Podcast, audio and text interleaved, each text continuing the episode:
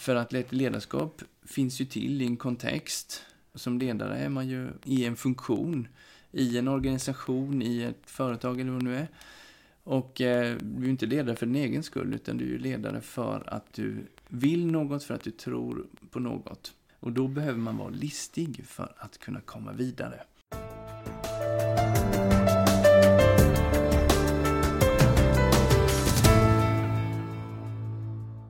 Hej och välkomna till Utmanarpodden.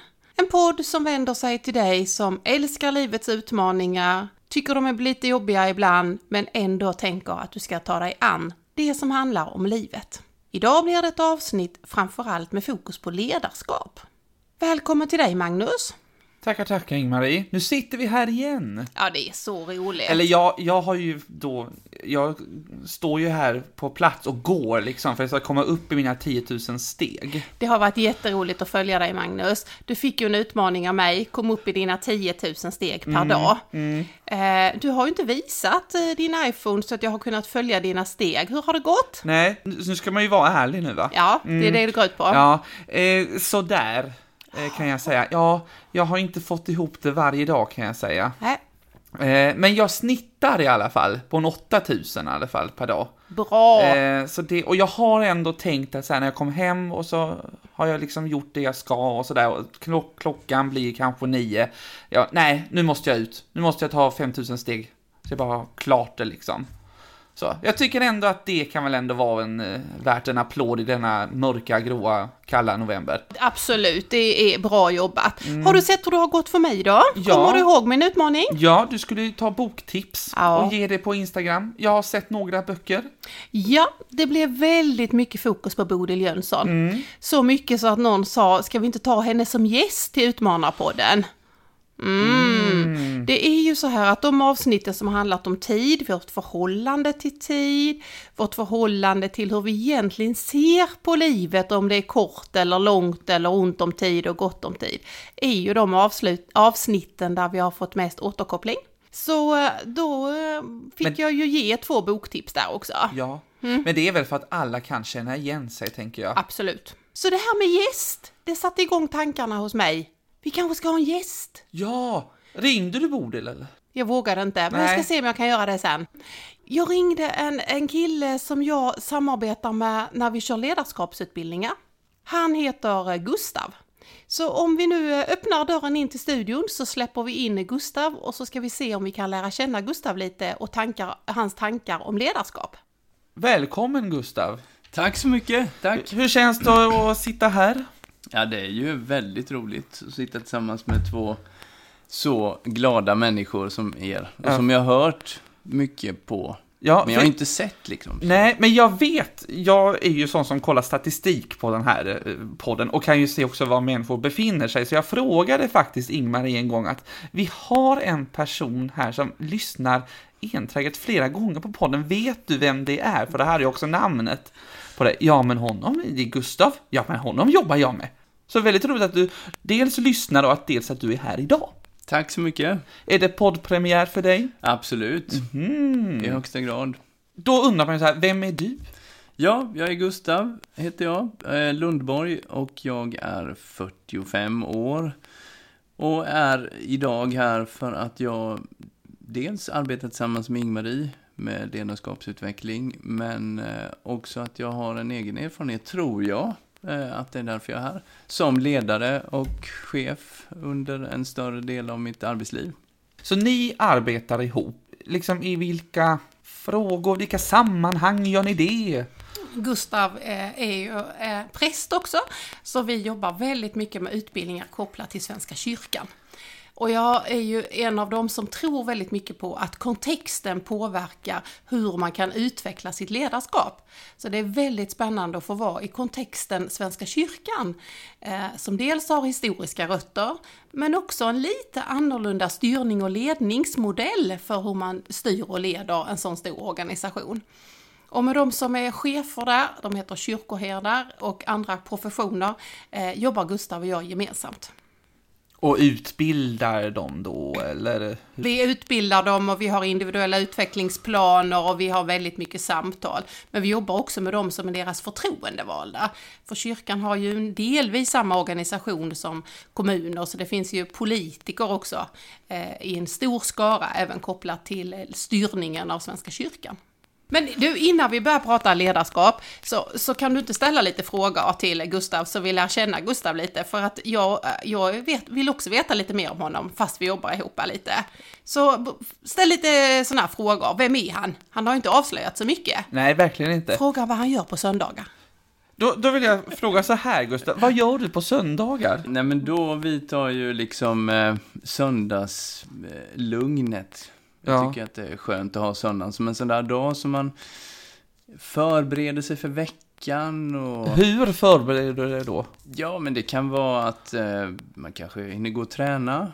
Man hinner vara tillsammans med familjen och kanske laga lite mat. Jaha. Jag har ju hört lite på omvägar att du eh, lagar mat för hela veckan på söndagar. Ja, det kanske är lite eh, överdrivet, men det, det har hänt att jag har lagat eh, för större delen av veckan faktiskt, på Ja. söndagen. Mm.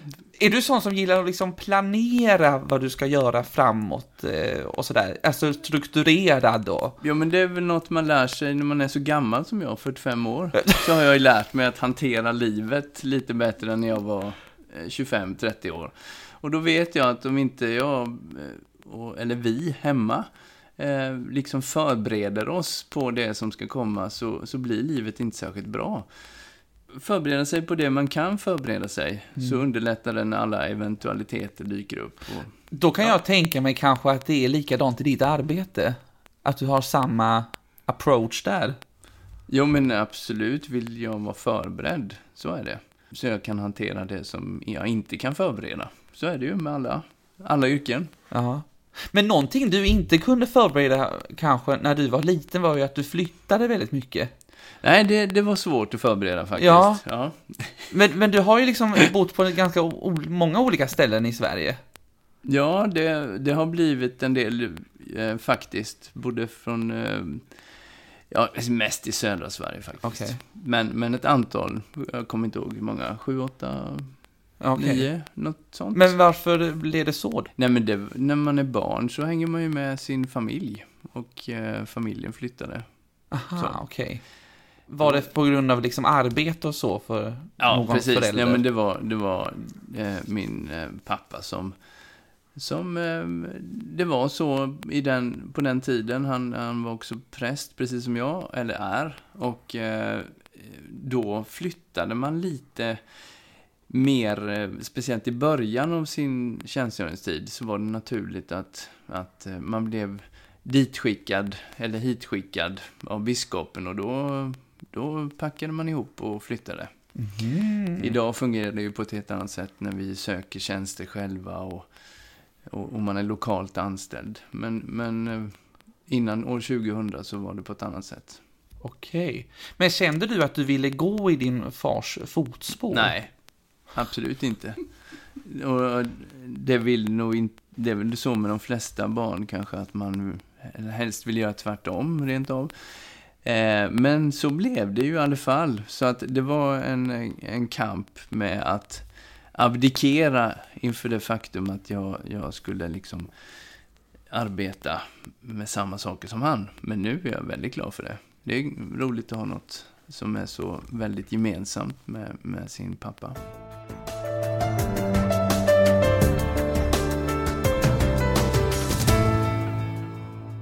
Du Gustav, vi brukar alltid ställa lite frågor till våra gäster och då tänker vi att vi skulle börja med att ställa lite frågor omkring ledarskap. För du är ju här idag för att du jobbar med ledarskapsfrågor. Innan micken gick igång så fick du räkna och då visade du på fingrarna 12 så då tror vi att det betyder att du har varit chef i 12 år. Det är en lång tid faktiskt. Och då undrar vi, om du tänker efter, vad är det för någonting som har följt dig som en antingen röd tråd eller vad är det för hållplatser som har varit viktiga för dig? Och nu kändes det som att du och Magnus hittade en här, nämligen det här att, att eh, ge upp kampen, att inse att ah, jag tar samma yrke som far. Eh, vad blir det mer för sådana där hållplatser? Jag skulle säga att en viktig sak för mig var att eh, när man är ung, eller när jag var ung i alla fall, så, så var jag nog lite tuffare än vad jag är nu. Alltså lite mer sådär, det kan jag minsann. Och jag skulle nog kunna göra det här så mycket bättre. Är det någon som känner igen sig? Nej, jag är fortfarande ung va? Så, nej men, Nej, ni, Ing-Marie, du är helt tyst. Jag tänker fortfarande så och är gammal. Okej. Nej, men man kan ju säga att man gjorde det när man var ung. Ja, Så verkar man ödmjuk. Nej, men, nej, men lite mer så, alltså, den där, den där eh, ungdomens våghalsighet var nog en viktig hållplats för mig. Och då, med, ungdom är när man är under 30, eller hur? Ja, Ja, okej. mm. Mm. Och vad gjorde du för våghalsigt då? då? Nej, men då, då var det nog, när jag var, när jag var i 30-årsåldern så, så hade jag inte jobbat så väldigt länge. Inte alls länge faktiskt. Eh, då hade jag en ganska dålig eh, chef. Och eh, kände eh, verkligen att jag skulle minsann ha gjort på det här sättet. Och jag skulle eh, nog ha, det här skulle jag ha klarat av bara man gjorde så här eller så här. Och målade upp bilder för mitt inre. Och, och det kan man ju tycka är, är liksom kaxigt och, och fult att tänka så. Men för mig var det nog det som fick mig att våga att kliva på ett uppdrag som chef utan chef, alltså som kyrkoherde, för då har man ingen chef över sig.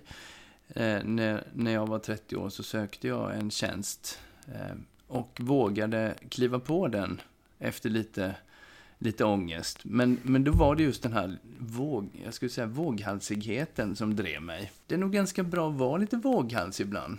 Att vå, våga ge sig ut där man inte riktigt är säker. Ja, Höll isen? Ja, ja, jo men det gjorde den absolut tack vare en massa goda människor som fanns där på den platsen. Som eh, liksom gjorde att det blev någonting bra. Mm. Eh, både- Så det var en hållplats. Ja, det var en Runt hållplats. 30 år, modet och någon sorts drivkraft där att eh, inte Ja, så lite- himla bra nej. chef. Nej, men lite kamplust Mm. som växte fram då, kan man säga. Så Ja. här kan det ju inte vara. Nu ska vi förändra världen. Nej, men lite Mm. Mm. så. Ja, så det var en viktig hållplats faktiskt. Eh, ja, men sen tror jag också, ibland skämtar man ju om det där med eh, syskon och, och placering i syskonskaran. Mm. Du brukar ju ofta prata om att du är Mm. lilla syster. Mm. Eh, Då kan ju vem som helst räkna ut att du är storebror. Exakt. och vem är jag då? Du är en mellanbarn då, va? Jag kan sätta analysen direkt. Magnus är en lillebror som Jaha. har gått den kreativa vägen. Det är väldigt sällan att de första barnen gör det. Mhm. Ja, Okej, jag förstår det. Mm. Jag förstår. Mm. Men fortsätt du med din analys Nej, här. men lite så att eh, är man äldst och har flera syskon så, så får man automatiskt en viss roll eh, i syskonskaran. På något sätt. Eh, man blir van att kanske ta hand om, ta ansvar. Eh, ja, men lite, lite den rollen. Och det, det är ju en roll som känns bekant eh, även i ett ledarskap. Att vara den som tar det yttersta ansvaret. Att vara den som eh, liksom siste man på båten. Ja, så det, där tror jag faktiskt för min egen del att, att det fanns någonting som, som eh, har burit, burit med mig, som jag har burit med mig utifrån det. Hur kändes det att ta det där ansvaret då? Det var det roligaste jag har gjort. Att, att ge mig in på det. Och då tänker du när du tog din chef, första chefstjänst? Ja, faktiskt. Mm. Ja. Eh, nej, men och att ha, ha några år, ha en lite arbetslivserfarenhet i ryggen inom det område där man ska leda, eh, gör ju att eh, det tror jag också är jätteviktigt. Jag tror precis som du Ingmarie att, eh, att, att leda i en verksamhet där man står också i verksamheten som man gör i det här jobbet eh, blir väldigt svårt om man inte också har med sig en erfarenhet eh, som man kan dela med sina medarbetare. Mm. Eh, det tror jag. Jag tycker mig ha hört två hållplatser, Gustav. Ena är storebror, andra är första chefstjänsten. Ja, Mm. ja men det är nog viktigt faktiskt. Mm. Finns det någonting mer? Eh, Just utifrån ledarskapsfrågan. Eh, Jo, men sen har det ju varit hela vägen eh, efter det. är ju en enda hållplats, alltså hela livet. eh, för jag tänker att vara ledare är ju att, att, att ständigt eh, våga utmana sig och växa. Eh, och framförallt att lära sig. Och det är ju det som, som livet är. Mm. Nu låter det som en floskel, ett enda lärande. Mm. Och då kommer vi nästan in sen på, på det som är en annan liten hållplats just nu för mig faktiskt. Just det. Ja, ja men vad, vad är det då?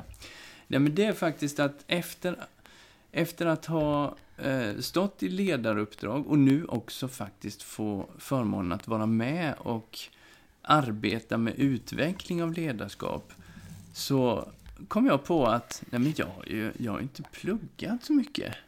Jag går ju liksom på gamla meriter eller gam, liksom på erfarenhet.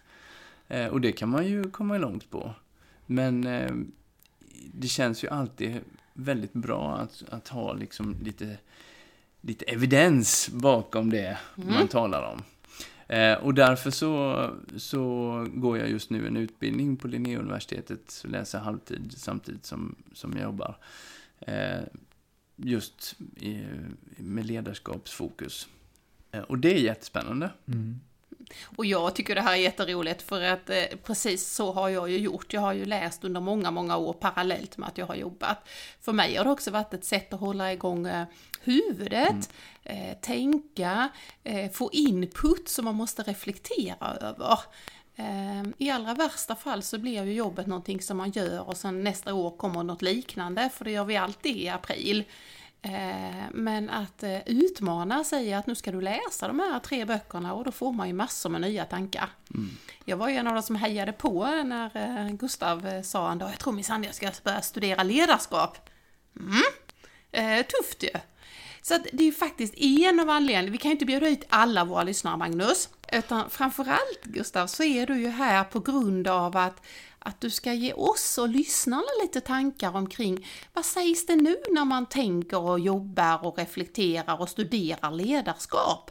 Vad finns det? Vad brukar man säga? Ja, men det finns ju allting. Men just den här kursen som jag eh, studerar nu, den, är ju, den har namnet eh, Pedagogiskt och professionellt ledarskap. Och den är ju då, som ni kan gissa, förlagd till eh, institutionen för pedagogik och lärande. Eh, Så den har ett visst fokus på, på skolvärlden, på eh, offentlig sektor, Men mycket av de ledarskapsteorier som finns med i litteraturen och så vidare är ju hämtade ifrån skolvärlden. Men därmed inte sagt att den kan översättas till, till många andra verksamheter. Och, och själv så jobbar ju jag i en, i en organisation som är en, en kunskapsorganisation eh, som har eh, undervisning som ett som, ett, som en uppgift som till och med finns i svensk lag.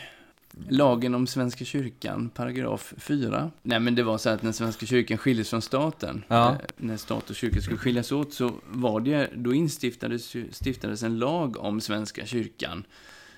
Där staten liksom i lagstiftningen bestämmer vad kyrkan är och vad kyrkan ska göra.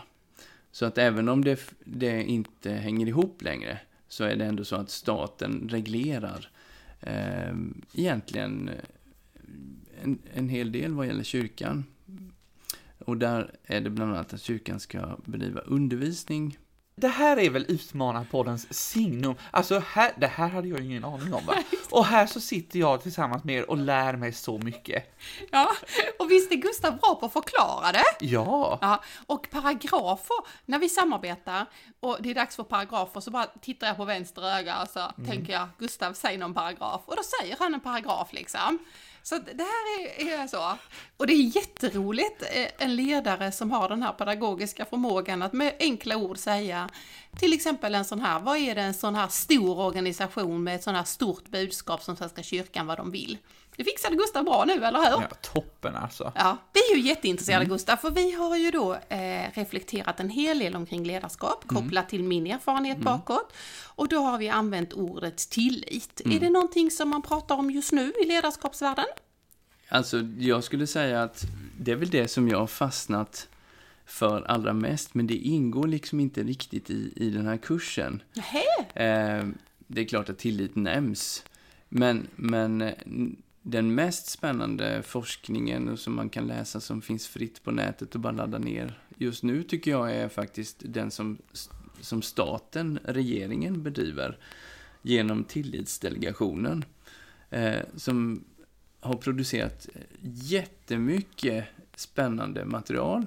Det finns en antologi där drygt 20 olika ledarskapsforskare i Sverige skriver en mängd olika eh, artiklar eller små, små rapporter som är, ja, där det finns jättemycket spännande att hämta hem. Mm. Och hela det konceptet, hela, hela det här paradigmet, eh, tillitsbaserad ledning och styrning är ju är ju, tycker jag, väldigt eh, mm. spännande mm. just också utifrån att det har, hur det har tillkommit. Mm. I, det har ju funnits, det har ju talats om tillit länge i ledarskapsvärlden såklart, men, men just detta att man såg i offentlig sektor att, att det fanns en tröghet, att eh, organisationer hade nog med att organisera sig själva, att, att medarbetare inte hade fokus på uppgift och medborgare. Eh, och sen så satte man tänderna i det och utspottas då alla dessa rapporter som, som eh, blir någon slags tredje ledningsparadigm.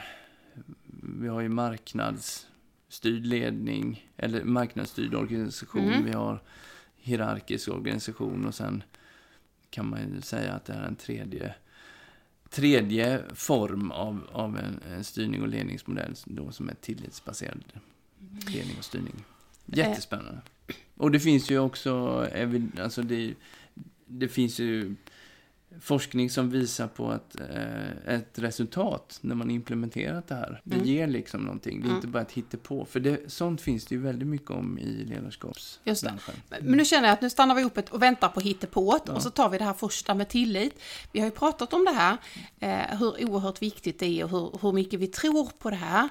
Och jag kommer ihåg att när jag jobbade i offentliga sektorn och det handlade om Eh, att vi skulle ha kontroll, vi skulle ha uppföljning, uppföljning och kontroll. Det vill säga det som på något sätt gjorde att vi började att tänka omkring tillitsbasering istället. Eh, då kommer jag ihåg att det myntades som ett begrepp som sa att eh, grisen väger inte mer ju fler gånger vi väger den. Mm. Den blir inte större för att vi väger den. Och det var lite det här att vi, vi mätte och vägde och fixade och följde upp allting i kommunal sektor. Mm. Men vi såg inte att resultaten kom. Och det mm. tycker jag är härligt mm. att se. Att man har insett att den styrningsmodellen där man kontrollerar mm. eh, gör inte att grisen blir tjockare det är en bra benämning tycker jag. Ja, verkligen. Ja, och så var det hittepå. Finns det något hittepå som ni nu har fått reda på att det finns inget sånt hittepå? Ja, men det är ju, jo, det, det, det har vi fått. Till exempel alla de här testerna man kan göra.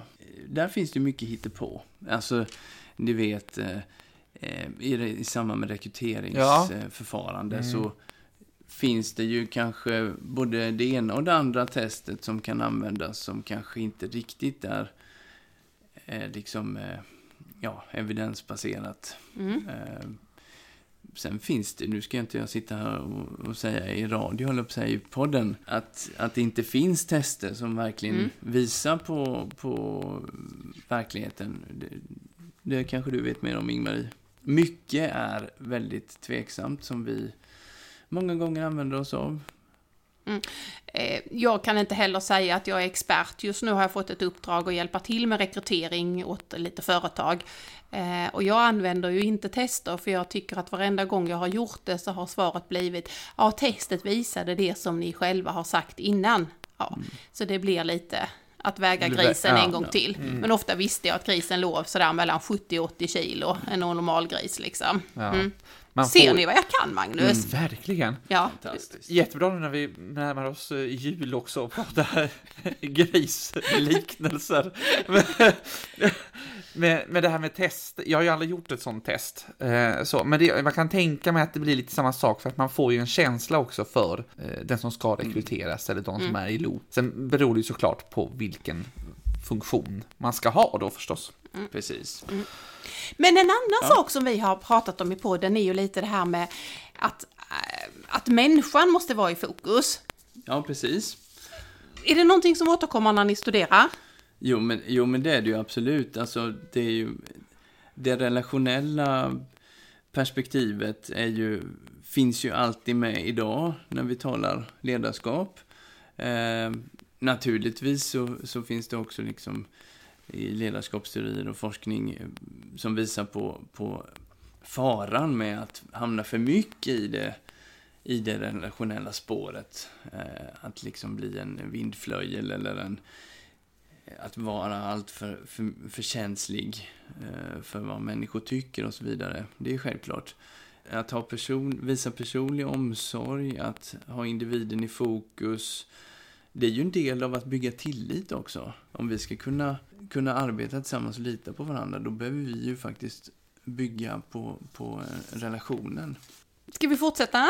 Ja, visst. Det känns lite som att vi bara förhör dig här, men för Ja. oss är det lite spännande att få höra liksom, för vi har ju spelat in många avsnitt med fokus ledarskap och så har vi använt vissa ord. Känner du att du som lyssnare kan känna igen något ord som vi har sagt många gånger och som du känner har känt igen i litteratur? Det finns många, men ett är ju mod också.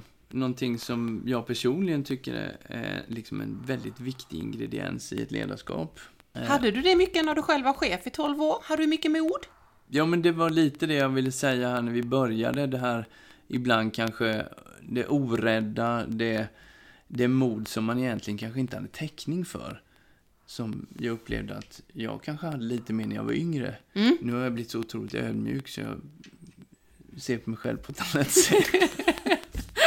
Men det tror jag många kan eh, vittna om att man eh, kanske förlorar modet längs vägen och kör på liksom den, den invalda linjen. Men när man blir äldre så kanske man får ett annat mod. Mm. Ett, ett mognare mod.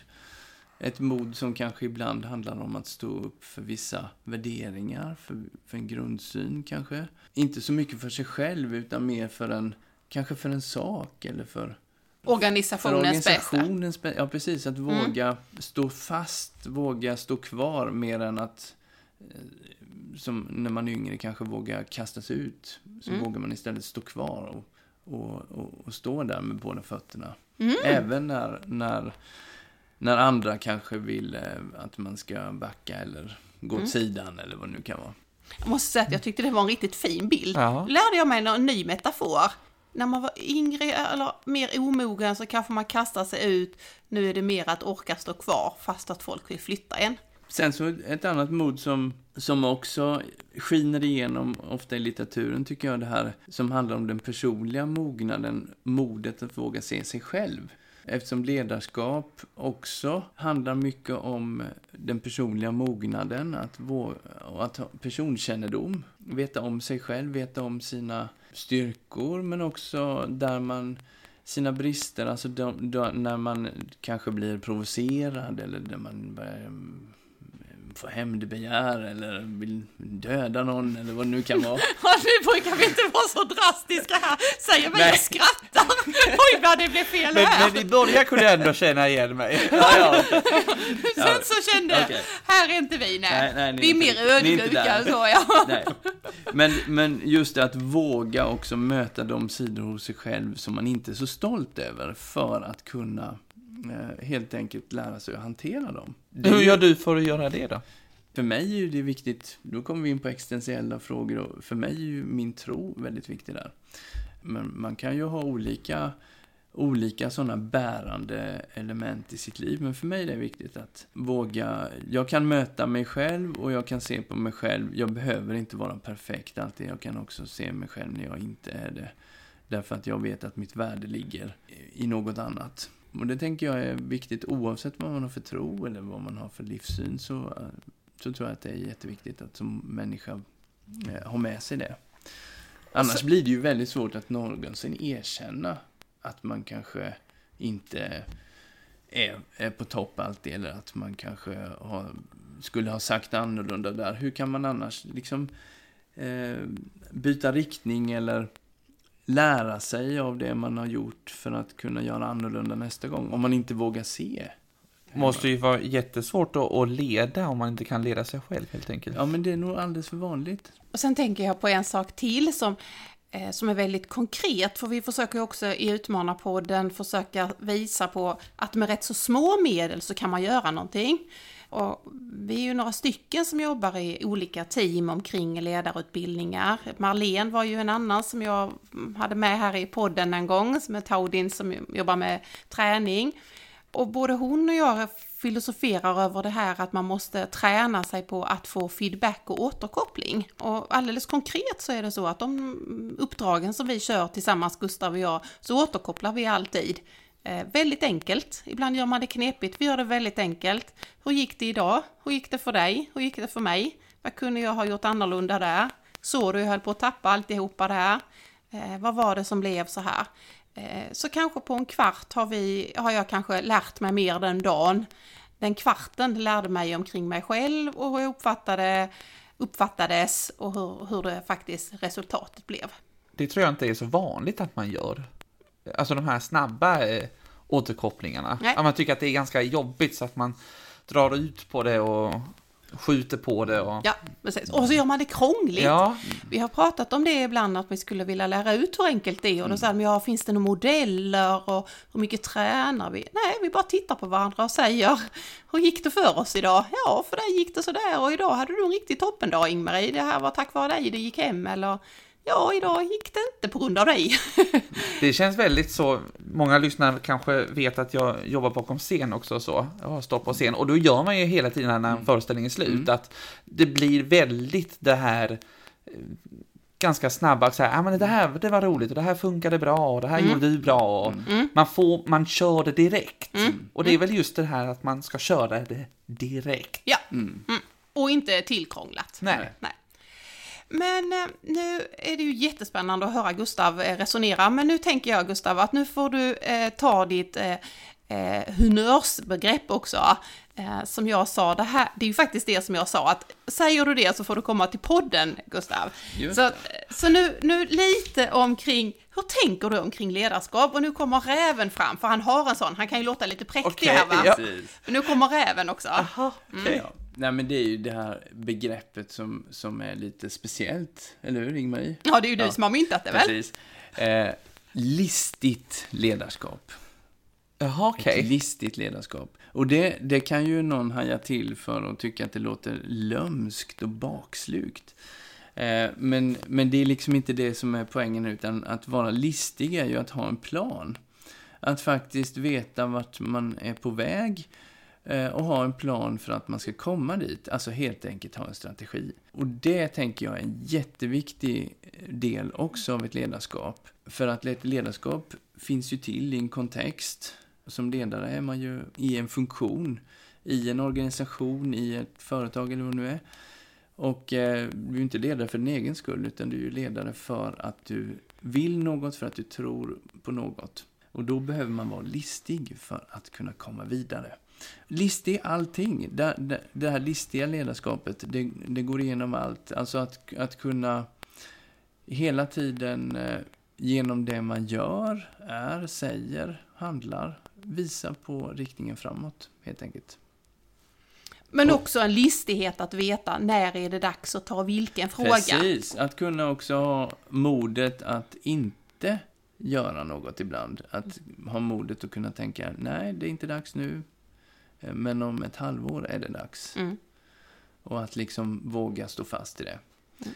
Helt enkelt att ha en, en plan. Jag kommer att tänka på Jönssonligan nu. Ja, men det är ju lysande, Gustav. Just det, nu vet jag varför jag kommer att tänka på det. Ja, eh, tack så jättemycket Gustav. Eh, nu har vi lärt oss lite om ditt begrepp också, listigt ledarskap. För oss har det varit jätteroligt att du vill komma hit och ge dina tankar. Nu börjar tiden ta slut för vårt gästspel här från din sida. Men två saker skulle vi vilja be dig om. Det ena är att du ger tips på den absolut bästa litteraturen du just nu har i ledarskap. Och det här har du ju inte förberett, så det kan du inte veta idag kanske. Har du det, eller vill du lägga ut det som ett boktips från Gustav?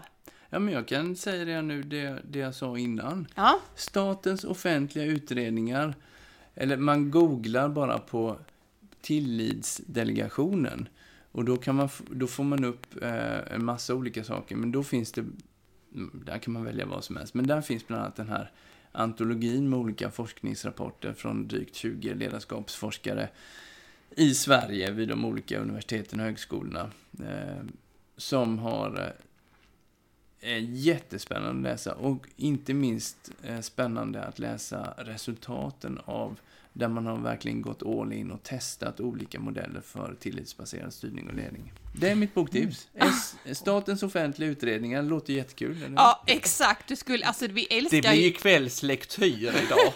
vi önskar ibland att vi skulle kunna ha tv-sändningar istället. För att när då Gustav, som har gjort ett väldigt gott intryck här på Magnus när vi har spelat in och jag har följt Magnus blick, oj vad Gustav är en klok man, så säger vi ett boktips, då kommer Statens offentliga utredning, det heter SOU-utredningar då alltså. Då dippade lite Magnus i fokus där och tänkte, ja, undra om detta var det som vi skulle ha som boktips. Men vi lovar, vi ska läsa det Gustav och tack så jättemycket. Tack för att du fick komma. Då är det ju så här att du besöker Utmanarpodden. Vi avslutar, eller någon gång under våra sändningar så har vi också en utmaning till oss själva. Vi tycker det är en liten trovärdighetsfråga. Vi ska också hela tiden vara i utmaning, vi ska också hela tiden vara i utveckling själv. Och innan du kom in i rummet här så bad vi, pratade jag och Magnus om att det, ja, ska vi låta honom, ska vi låta Gustav ge oss utmaningarna? Och så blev det. Så nu ger vi oss med stort mod i oss i dina händer och säger, ge oss en utmaning Gustav. Jag skulle vilja börja med ett citat innan utmaningen då som, som liksom leder in i utmaningen. Om det är okej. Eh, och då är det faktiskt vår biskop i Växjö stift som har, Fredrik Modéus, som har skrivit det här. Jag tycker det är jättebra. Eh, på tal om utbildningar och ledarutbildningar och så som vi har pratat om nu. Så har han, han skrivit i en bok på ett ställe att den viktigaste ledarutbildningen går du i kampen med dig själv. Alltså, det handlar om den personliga mognaden. Ja, ni märker att jag har en plan här, va? Det här Eh, listiga ledarskapet precis. i det här. Mm. Och då, då skulle jag vilja ge er utmaningen att våga inte värja för det som ni just nu kanske tycker är jobbigast med er själva. Utan våga plocka fram det och titta på det och hantera det. Vad säger vi Magnus? Kan, kan det vara en känsla eller kan det vara någonting som Ja, en kan- handling jag gör som inte jag gillar hos mig själv? Ja, men det eller? kan ju vara någonting sådär som du inte vill se, men du vet ändå att ja, men det där borde jag ta tag i. Jag borde försöka göra på ett annat sätt nästa gång. Men för att kunna göra det så måste du våga se det. Och gå i kamp med ja, mig själv. Precis. Ja, den var ju... eh, Vi blev lite matta här. Vi hade tänkt att ha lite adventstrevligt här nu, men nu blev det en kamp i vårt eget inre. Men eh, vi är väl beredda, Magnus? Absolut. Ja. Vi säger ju alltid det här, pratar vi också om innan, det är ju roligare att säga ja än nej. Ja, absolut. Då tackar vi så mycket för utmaningen. Vi ska ta väl hand om den. Men då vill vi också utmana dig. Och nu handlar det faktiskt om sociala medier. För det är ju så att du inte har det, eller hur Gustav? Nej, jag är, jag är väldigt osynlig på Ja. sociala medier. Mm. Mm. Och vi har ju det Ingmarie. Och Absolut. vi vill ju se dig där. Vi tänker att du ska starta ett sociala mediekonto. Du får, du får välja vilket du vill. Eh, bland Facebook, Instagram, YouTube om du känner Okej. för det. Eh, men vi vill kunna följa dig. Det blir en utmaning. Ja, jag har gjort det här med min pappa en gång, så att om du vill ha lite råd och tips så kan jag ge dig det. Eller hur Ingmarie? Absolut, Ja, det har vi jag också. har ju varit där, jag har varit där. Ja, då klarar du det Gustav. Men du, nu tycker jag att vi säger tack till Gustav. Vi vet att han har en tid att passa, så vi säger tack för att du tog dig tid att komma till Utmanarpodden. Tack!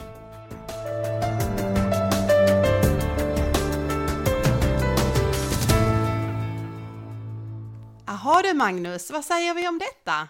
Han är ju väldigt klok. Ja, visst Ja. var det? Och så har han en sån här röst så att man lyssnar också. Ja, det Och så hör lite så här, nej men jag är ju liksom Mm. i den branschen. i den branschen. Mm. Och pratade också mycket om det, ja, men återkopplade mycket kring det som vi också har pratat om, du och jag. eh, Det var ju eh, podden. jätteroligt att sådana ord som mod och tillit Mm. och relationer och människan i centrum, Mm. jobba med sig själv, självledarskap. Eh, väldigt många av sakerna som vi har nämnt under många avsnitt eh, kom ju upp tillsammans med Gustav. Mm. Eh, några saker som jag eh, tog med mig var ju naturligtvis hans benämning av ett listigt ledarskap. Mm. Att, eh, att inse att eh, ibland är det klokt att bara våga stå kvar.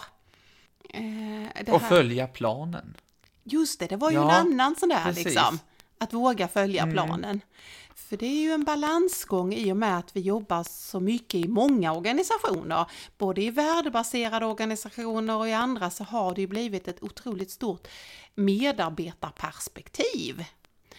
Eh, och det är klart att när man är nära människor så är det lätt att följa med i människornas upp och nedgångar och höger och vänstersvängar.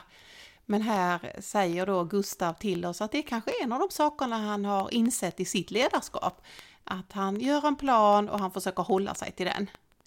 Väldigt intressant. Då tänker jag bara hur, hur ni arbetar ihop.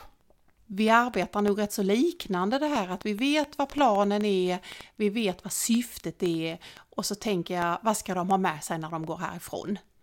Eh, Jag tänker ofta det, oavsett om det är en kort möte eller en coachning, men vad ska man ha med sig efteråt? Eh, och då tänker jag ofta det ska vara en känsla och det ska vara någon information eller en fakta, men det ska vara också en möjlighet till ett lärande. Eh, och för mig ofta räcker det att jag har satt de där sakerna i mitt inre, mm, där jag har en egen plan. Den är inte nedskriven, det är ingen powerpoint, men jag har den planen. Och det för mig blir det den planen som jag håller mig till. Eh, för att inte dras in i att alla vill prata om någonting. Nej, vänta ett tag. Nu hade vi en plan vad vi skulle göra liksom. Det som jag också tog med mig från det här samtalet, det var den här att det ska vara lätt att ge feedback.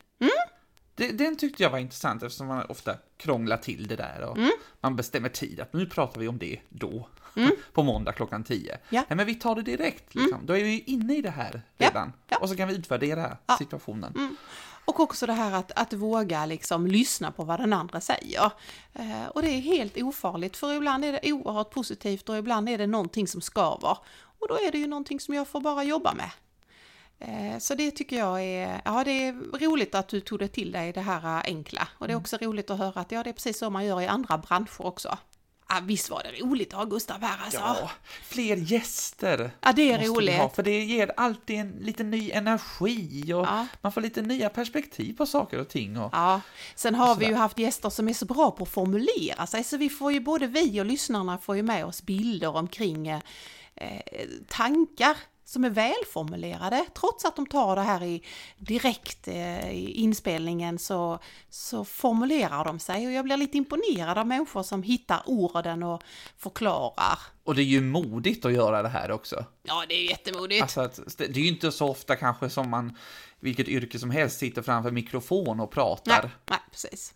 Så ska vi börja runda av. För nu har vi ju knappt tid att eh, tänka mer omkring Utmanarpodden, för nu har vi ju faktiskt en jätteutmaning, nämligen ett självledarskap. Se det där eh, som skaver inom oss själv och våga ta itu med det. Så det får vi väl ägna oss åt nu, Magnus, i två veckor. Ja, Ja. Med, medan, man inte, medan inte jag tittar på dina uppdateringar på Instagram. Eller- Och Gustavs uppdateringar. Just det, för nu så lär man ju också känna nya människor via sociala medier och det är ju verkligen ett sätt att umgås nu för tiden. Och det, för det heter ju precis som det är, sociala medier. Det är ju socialt. Ja, du, vad är det din sida heter nu så vi hittar dig då? På Instagram, Mm. då är det Magnus understreck Karlsson med C, precis som du tänker sångaren i Barbados Alcazar, du vet det där. Ja, Ja. just det. Men du är ju inte han, men i Jag alla är fall. ju inte liksom. han, men jag får ju ibland förfrågningar. Ibland så dyker jag upp, jag ska uppträda där och där. Ja. Jaha, vad trevligt. Ja. Och vad heter du då? Ja, men jag är mycket lättare ju för att jag heter ju Rundvall Konsult då. Eh, Men jag är ju också väldigt öppen ju så att man kan ju välja att följa mig på mina privata sidor om man vill göra det. Eh, Då blir det ju mycket liksom eh, kakor och träning, det är ju den kombon jag har i mitt eh, andra delen av livet då ju. Men Rundvall Konsult så hittar man mig både på Facebook och på Instagram. Mm. Och ni kan skriva till oss, både ris och ros om den här podden, Ja. helt enkelt. Så säger vi tack för idag. Tack så mycket!